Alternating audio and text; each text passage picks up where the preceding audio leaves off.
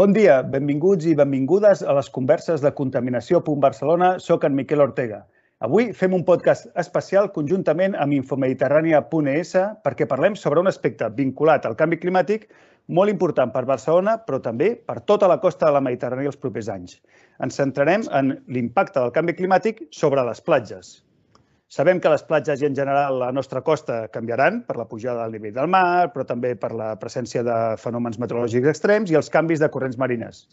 Però dit això, la pregunta que ens volem plantejar avui és com ens podem adaptar a aquesta problemàtica? Què en pensa la ciutadania de les diferents alternatives i si les administracions públiques estan ben preparades per impulsar aquestes mesures d'adaptació? Perquè ens doni algunes claus per resoldre aquestes preguntes, avui conversarem amb Leli Roca, que és doctora en Ciències Ambientals, investigadora i professora a la Universitat Politècnica de Catalunya, on actualment coordina el Laboratori d'Estudis Socials d'Enginyeria Civil. Així que, sense més, benvinguda, Eli, i moltes gràcies per voler participar en aquestes converses. Hola, bon dia, Miquel. Moltes gràcies per convidar-me. Doncs mira, comencem abans d'entrar en matèria per una pregunta obligada. Eh, què feu al Laboratori d'Estudis Socials d'Enginyeria Civil? Doncs mira, aquest laboratori bueno, és un petit laboratori que està dintre de l'Escola d'Enginyeria Civil de, de Barcelona i som un grup de recerca multidisciplinar que intentem aportar coneixement als processos d'intervenció de l'enginyeria civil en el territori i especialment en el litoral. El litoral eh, aportem, diguem, la nostra visió des de més des de les ciències socials i ambiental, amb metodologies diverses com d'avaluació d'impacte o sondejos de percepció, anàlisis de xarxes socials o de prospectiva, que ens ajuda una mica a aportar aquesta visió del que es percep no? a l'hora d'intervenir o tenir impacte sobre, sobre el territori. I així col·laborem amb els enginyers i enginyeres no, d'aquesta escola i altres professionals. Sí, clarament és una aproximació molt multidisciplinar. No? Al final, quan intervens sobre un territori, entra en joc molts factors, no? entre les persones, òbviament, i per tant aquí és, és una aportació que sense dubte és imprescindible. I, I aterrem una mica més ja sobre el tema de la costa, sobre el tema litoral, sobre el tema de platges i la problemàtica amb el canvi climàtic. Està clar que ens hem d'adaptar, perquè hi haurà canvis importants a la costa. Explica'ns una mica quins tipus d'adaptacions podem, podem plantejar sobre la taula per després haver de decidir. Val, a veure, si ens agafem a una classificació que feia el Ministeri anglès d'EFRA ja fa molt de temps, m'agrada utilitzar-la per explicar la manera que tenim no, d'abordar aquest contacte no, amb, doncs, amb les dinàmiques eh, marines. Ells parlen de tres bàsicament de tres grans estratègies. Una, la, la rigidificació o la, la, la intervenció, el manteniment de la línia de costa, com li diuen ells. L'altra és una intervenció, bueno, i aquesta seria, per exemple, el que serien doncs, espigons, obres dures o inclús les grans regeneracions de sorra, que el que volen és mantenir la, la línia allà on decidim no? que hi va. Aleshores, tindríem un altre tipus d'intervenció que és més tova, que vindria a ser eh, adaptem-nos o juguem amb la, amb la pròpia dinàmica litoral. No? I intentem aprofitar els seus mecanismes per eh, pues anar, diguem, jugant o, o convivint no? amb aquestes pròpies dinàmiques litorals. I aquí vindrien aquestes intervencions que ara s'ha pues, posat de moda el nom de solucions basades en la natura, però que podrien ser doncs, les, bueno, les més clàssiques eh, restauracions dunars o, o, o intervencions més de, de, de, de no fer gaire cosa no? I, i protegir eh, la pròpia dinàmica, el propi sistema. No? I llavors, per exemple, no urbanitzar a prop de la línia de costa i deixar que si hi ha un augment de nivell del mar o un temporal, doncs si la costa de retrocedir una mica, retrocedeixi i després es recuperi amb les bonances. Bueno, això segurament els enginyers i els geomorfòlegs, i geomorfòlogues ho explicarien molt millor, eh? però bueno, vindria a ser això. I després hi havia una proposta eh, una mica segurament més radical, però que també ens l'hem de començar a plantejar, que és la de desurbanitzar i començar a moure'ns cap enrere. Val? No, són, no és una classificació, diguem, estanca. Òbviament hi ha relacions entre aquestes. No? Es pot actuar de manera tova i alhora també anar desurbanitzant i tenir espai, anar guanyant espai per, per conviure no? amb aquestes dinàmiques litorals. Però bueno, a mi m'agrada aquesta, aquesta classificació. De, de fet, el, eh, quan, quan va haver el temporal Glòria no fa gaire, ja vam veure que tot aquest tipus de discussió s'activava, no? Perquè Exactament. recordo que hi havia alguns municipis que començaven a plantejar, ostres, doncs en lloc d'adoptar per aquesta estratègia més potser tradicional d'estructura de, de dura, eh, anem a buscar aquests altres mecanismes, sí, no, per què, no? És, és, un, és un tema que, que s'està discutint a casa nostra, però també a tot arreu d'Europa, oi? Exactament, sí. Precisament amb el Glòria, jo crec que aquells municipis que havien apostat precisament per intervencions més toves, jo crec que vam veure que en aquells trams on havien actuat d'aquesta manera, tampoc vull generalitzar, eh? però sí que s'havia vist que tenien més capacitat de fer front o que el dany potser no havia sigut tan greu. I això, per exemple, gent com Gavà, que en aquest sentit ha sigut com molt pionera no? en intentar recuperar algun d'aquests trams més donars, on allà on hi havia possibilitat, ho van explicar, no? que no havien patit tant, potser com en altres zones que, òbviament, que tota l'obra dura doncs, clar, va tenir un impacte molt fort i han vist com han hagut de, de refer no? aquests, aquests espigons o, o aquestes barreres, no? de, que a més això té un cost caríssim, vull dir, fins, fins quan ens podrem mantenir anar refent aquestes barreres no? cada vegada que hi hagi un temporal d'aquest tipus. No, sense dubte, és, una, és una, un dels temes que, que tindrem en els propers anys de manera constant, no? a mesura que hi hagi més events d'aquests extrems, eh, posats de manera reiterada. I en això jo crec que és interessant justament una feina una mica més de fons que heu fet vosaltres, no? que és treballar allà on hi ha mesures que s'estan portant a terme de diferents tipus per intentar entendre una mica més què és el que valora la ciutadania, què és el que no valora la ciutadania, justament per, per quan arribin a nous pensaments, no? perquè quan la gent hagi de pressionar parteixi d'alguna cosa. Explica'ns una mica on heu estat treballant, no? quin tipus de projectes heu estat estudiant i després, eh, si et sembla, passarem i ens expliques els resultats. Què, què opina la ciutadania de tot això? Val, doncs, a veure, fa, fa temps que estem treballant, sobretot en l'àmbit litoral i, i, i de platges, no? en, en concret en diferents tipus d'entorns. Eh? Per exemple, en entorns més turístics, no? com per exemple la Costa Brava, ja sigui l'Alt i el Baix Empordà i també la selva, no? els clàssics entorns amb turisme, ja sigui eh, local o nacional com estranger, no? amb aquesta forta pressió sobre aquestes platges, platges molt intervingudes, sovint, algunes més naturals, distingíem entre urbanes, seminaturals i, i naturals, també hem treballat en entorns més naturals com el Delta de l'Ebre, no? que a pesar de ser un espai molt antropitzat, eh, bueno, és una mica el nostre pat, bueno, gran espai natural dintre del, en el litoral, no? ens en queden molt pocs. No? I, I després també hem treballat amb, amb entorns molt més urbans, com, tot, com és tot el front marítim de l'àrea metropolitana. No? Que aquí, òbviament, doncs la, la pressió urbana i, i de les infraestructures de transport doncs marca molt eh, el nostre litoral. Mm -hmm. Bueno, doncs jo crec que ens, ens pots donar un, panorama bastant interessant de diferents casuístiques, així que la primera pregunta que és obligada, no? quan, quan parlem d'alguna política d'adaptació o de qualsevol altra política, no? un element clau és que la gent percebi que, que cal fer aquesta política. Aleshores, fins, fins a quin punt en les vostres enquestes, perquè entenc que és la metodologia que, amb, amb les que treballeu, eh, penseu que la ciutadania de la, que viu a la costa o que és usuària de la costa no? o de les platges eh, és conscient de que el canvi climàtic pot alterar eh, les platges, l'oci, etc i que, per tant, calen polítiques. On, on som en aquest punt a Catalunya? A veure, eh, òbviament és un tema molt complex perquè el que afecta la, percepció són moltes qüestions, no? des de l'experiència personal, la proximitat a, als fenòmens, òbviament el, el context local, no? I, I, per exemple, nosaltres hem anat a fer eh, enquestes, sobretot als usuaris de les platges. Els usuaris de les platges quan? Quan estan en el seu moment de relax, d'esbarjo, a l'estiu, que sovint coincideix en el moment menys, eh, amb menys risc, no? amb menys temporals. No? Eh, com la, la, bueno, la visió que tenen del litoral és molt més pacífica no? el moment que van a la platja i, per tant, òbviament, això ens influeix en els nostres resultats i no ho podem, eh, bueno, ho hem de tenir en compte. No? Llavors, en aquest sentit, eh, el que veiem, no? algunes generalitats. Quan es pregunta directament sobre el canvi climàtic, no? la resposta també una mica també és la políticament correcta, és que a tothom li preocupa moltíssim el canvi climàtic no? i els impactes que pot tenir. No?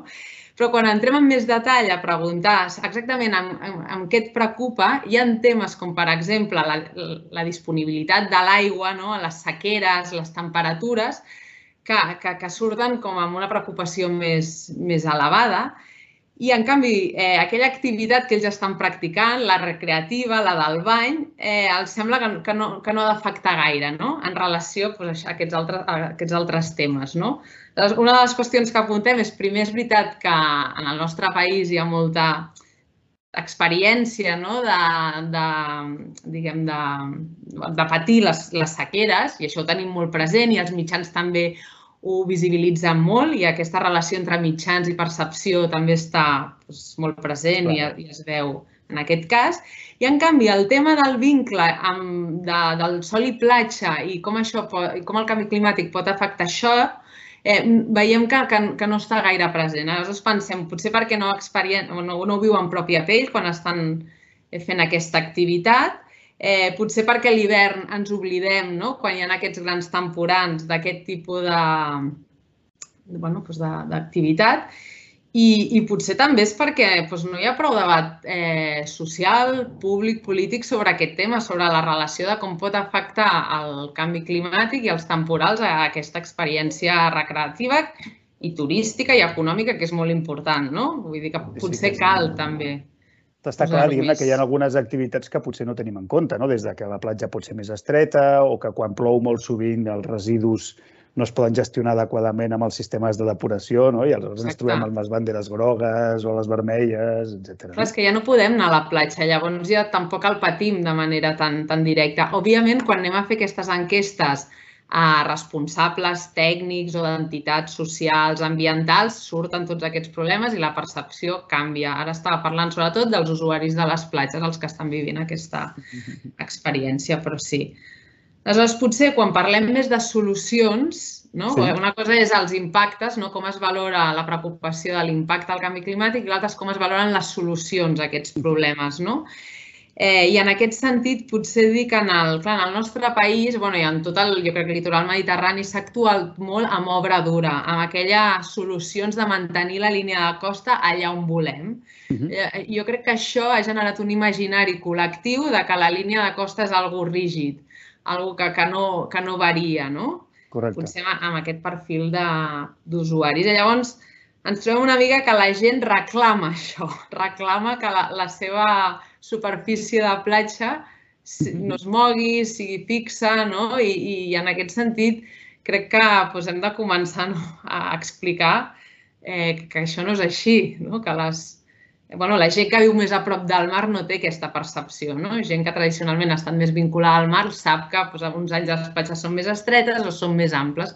En canvi, els, bueno, aquests sí, sí, els, els usuaris puntuals, no, diguem, els usuaris puntuals d'estiu, no, que som la immensa majoria de la població, tot s'ha de dir, doncs potser no, no tenim tan clar aquesta idea. I, I una cosa que també mirant les recerques que heu portat a terme doncs m'ha cridat una mica l'atenció és, clar, estem parlant ara en general de uns, dels usuaris majoritaris, no? Eh, però també heu treballat usuaris que van a les platges a zones on ja s'han portat a terme aquest tipus d'actuacions més toves, no? I m'agradaria que m'expliquessis una mica més bueno, doncs, quina és la percepció dels usuaris una vegada s'ha fet una intervenció d'aquest tipus, no? si és que existeix alguns trets comuns per entendre també que potser encara que no ho veiem directament perquè són minoritàries, doncs eh, crec que és interessant saber aquells usuaris, però el que va a la platja, eh, de, de la intervenció, què, què en diu d'aquest tipus d'intervenció? Vale. En general són força positives. Jo penso que, la, que, el, que els usuaris reconeixen no? aquest canvi, aquesta millora del paisatge quan estem parlant d'intervencions de restauració, recuperació d'un art, no? que estan parlant una mica d'aquest tipus d'actuacions. No? O sigui, valoren positivament aquesta millora de, del paisatge en aquesta línia Eh, també hi ha una valoració positiva de la, de la millora d'aquesta funció protectora que, que fa el sistema litoral davant de, de, dels efectes, diguem, dels temporals. Però també hi ha un percentatge de respostes de no saben, no contesta, o sigui que, que associem a que la gent no té tan clar que, el, que els sistemes litorals facin aquest efecte de protecció. Val? O sigui, D'alguna manera, els que, els que ho valoren, ho valoren com positivament perquè és una eina de protecció, però hi ha molta gent que no és capaç de valorar-ho, no?, d'alguna manera. Mm, exacte. Jo penso que no, no s'ha explicat que aquestes restauracions eh, tenen aquest efecte, aquesta funció protectora. Sí que és més visible i s'ha explicat molt, no? Vull dir, ja veiem panells no? amb la biodiversitat, amb no trepitjar les dunes, amb aquesta informació que ens diuen doncs, que s'ha enriquit no? El, els, els ecosistemes litorals, però potser cal explicar que la duna, a més, té aquesta funció protectora davant de pujades a nivell del mar, temporals, eh, penso que potser encara no està prou present en el nostre imaginari. I aleshores, quan demanem que triïn, ja, això ja no a nivell d'usuari, eh, però si anem als actors locals, potser, mm-hmm. Sí, sí, en, en alguns interessant territoris... perquè al final al, al voltant de les platges es mou economia, es mouen veïns que no van a la platja però que hi viuen a prop. Què, què, què opinen aquests, aquests actors d'un sentit més ampli, no només l'usuari de la platja? Doncs a, a, aquests, eh, sí, els preocupa realment perquè són platges que pateixen molt els temporals, posen molt en dubte el paper de les restauracions dunars a l'hora de, de protegir-se dels temporals i, i si bueno, han de triar o, o, o demanar a les administracions demanen sempre, aposten sempre, bueno, sempre, majoritàriament, per l'obra dura, no? O sigui, l'obra dura, l'espigó, l'escollera, tot això eh, tenen la percepció que els protegirà més que una obra tova. No? I això, per exemple, ho vam veure molt al Delta de l'Ebre. Eh? Potser el Delta de l'Ebre és veritat que és un territori que la, la, els locals s'han sentit eh, una mica abandonats o allunyats de l'administració, que no s'hi ha fet gaire intervenció en el litoral i llavors el seu reclam sempre ha sigut eh, un, més obra dura, més intervenció per protegir-se.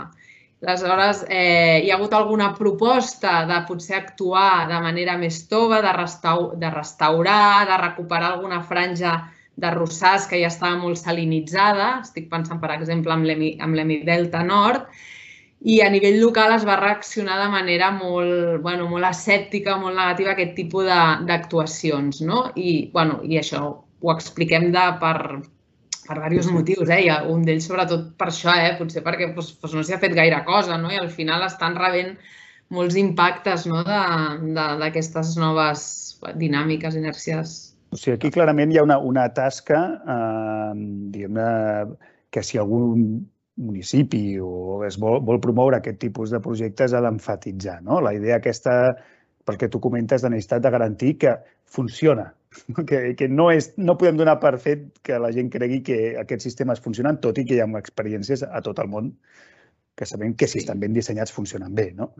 Sí, a veure, també entenc que això han de ser des de la geomorfologia i l'enginyeria marítima, eh, que, que ho demostrin i segurament hi ha molta incertesa, eh? Tampoc podríem dir que funciona al 100%, 100%. això segurament ho diran ells, però és que l'obra dura tampoc s'ha vist que no funciona i no només no funciona, és que ens, ens compromet perquè vull dir, ja ens hipoteca aquests recursos litorals que hi havien, perquè vull dir, els rigidifiquem. A més, normalment els espigons poden generar problemes a fons marins o a altres zones, no? O sigui, traslladar el problema, ho hem vist al, al Maresme, no? Han anat fent alguns espigons o ports i això a, a, a sota corrent ha anat generant pues, nous problemes d'erosió. Per tant, eh, potser la, la, el missatge seria que els sistemes donars eh, poden ser igual o menys incerts que els altres. Vull dir que com a mínim se'ls ha de posar sobre la taula i valorar eh, amb, la mateixa, amb els mateixos criteris. No? I, bueno, I, a més, segurament els sistemes donars aporten altres valors que els, els rígids no aporten, que és tota la funció més eh, doncs de la biodiversitat, de suport d'altres ecosistemes, la millora del paisatge, vull dir, com espais de, recreatius, no? i aquesta funció potser més eh, de salut, eh, doncs també, que els altres no tenen. Per tant, o sigui, està clar que és, una, és un debat complex, no? on, on, on, on moltes panoràmiques diferents et poden donar sí. diferents avaluacions.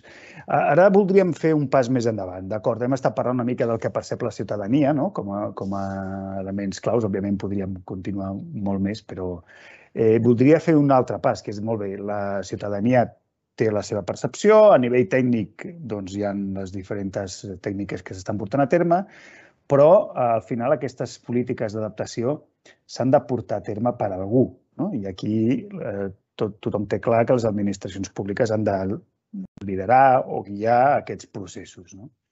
Eh, també des del vostre centre heu treballat els temes de la governança, eh, en particular a l'àrea metropolitana de Barcelona, però també en diferents altres àmbits. M'agradaria, doncs, ja que tenim aquí, perquè donis algunes claus sobre temes de governança i adaptació a la costa i en a les platges. Eh, què passa que costa tant portar a terme els projectes d'adaptació quan tothom veu que, cada vegada tenim més impacte sobre la costa i sobre, i sobre la platja. És un problema de competències? És un problema de relacions? Digue'm alguns, alguns elements claus que tu consideris importants. A veure, eh, està clar que hi ha una complexitat competencial molt gran. Eh, ja només quan, bueno, fa anys, quan parlàvem només de l'àmbit costaner, i era un dels temes, no? Vull dir, hi havia moltes competències implicades, eh, de diferents nivells administratius i que abordaven diferents sectors, no? Aigua, mar, costa, urbanització, no? Tot. Vull dir, però és que a més a tot això se li ha afegit la complexitat del canvi climàtic i també les administracions o les entitats o institucions que vetllen no, per desplegar aquest tipus de, de planejament d'adaptació. Aleshores, aquí es barregen, diguem, dos inèrcies que jo crec que encara dificulten l'entesa. Eh, també un dels temes segurament claus és que es parla molt de que l'adaptació, eh, els, les entitats locals han de tenir un rol no? molt important en desplegar l'adaptació, eh, però potser els manca doncs, les competències, els recursos i que, a més, en l'àmbit litoral, precisament, les competències d'adaptació estan superallunyades de l'àmbit local, estan a nivell estatal. És la Direcció General de Costes qui decideix pràcticament tot el que és la política de protecció del litoral. Per tant... Sí, que aquí ens trobem amb un element diferencial respecte a quan fem mesures d'adaptació al terra. No? És, és aquest element d'extra llunyania de moltes de les presses de decisions. No? A mi m'ho sembla, sí, que és, és, un, és un dels problemes. I pel que hem anat revisant dels plans d'adaptació local, clar, eh, sovint hi ha algun, un llistat de, doncs, de propostes i de projectes, però al final això, el responsable de dotar-les de recursos i de donar, diguem, el vistiplau, és això, aquesta administració que està tan lluny. I també et volia fer una altra pregunta, perquè de vegades quan mirem els plans d'adaptació de canvi climàtic no, a diferents escales, primer que et trobes molts, no? et trobes eh, els estatals, els catalans, els de les àrees metropolitanes, els dels municipis... Eh, què, què passa amb la costa en tots aquests plans? Eh, són, són nivells coherents? No són nivells coherents? Són nivells massa genèrics? Són nivells molt concrets? Quines són les principals problemàtiques que tu, que tu hi trobes, eh, tant a la redacció o a la preparació dels plans com a l'hora doncs, funcional? No? Sí, a veure, vam revisar alguns plans d'adaptació a nivell més local i metropolità i, sí, autonòmic, és veritat, potser. I el que vam veure és que estan com organitzats de forma més sectorial.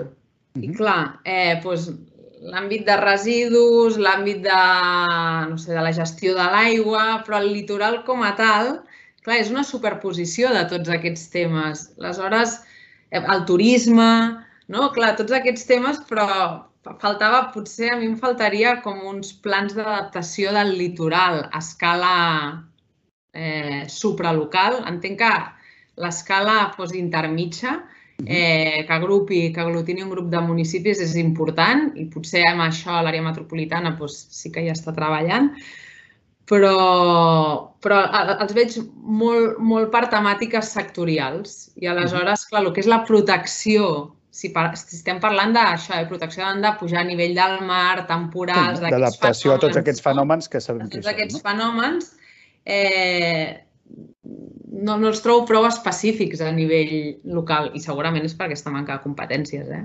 De fet, hi ha un, tema que és uh, recurrent en els plans d'adaptació en general, però que en l'àmbit costaner en general i a les platges possiblement és encara més, més accentuat, no? que és, eh, per una banda, per exemple, tenim programes o projectes de turisme en general, no? i ho veiem cada dia, ho veiem en els plans de resiliència europeus actuals, no? com, com és un tema que preocupa, òbviament, perquè dona molta ocupació també, però al mateix temps no sé fins a quin punt té una relació, un diàleg amb les adaptacions o les necessitats de les platges i de les costes com a espais naturals. No? Eh, i en particular tenint en compte que s'ha de fer una adaptació al canvi climàtic. Fins a quin punt aquesta, tenim prou ben lligat avui en dia aquestes polítiques de turisme, que moltes són de sol i platja, eh? per entendre'ns, i, i l'adaptació de la pròpia platja. No, complicada aquesta, a veure. Eh, jo crec que és que, clar, la, segurament això els hauríem de preguntar també els que planifiquen el turisme, eh? que no sí, tinc, sí molt clar, sí, sí, bueno, sí que s'està treballant no? amb, amb aquests temes de, del canvi climàtic, però em sembla que, que, que ho treballen més potser a la gestió del sector turisme, turístic, potser als habitatges o a les infraestructures turístiques, al tipus de necessitats que tenen en termes d'aigua, d'energia.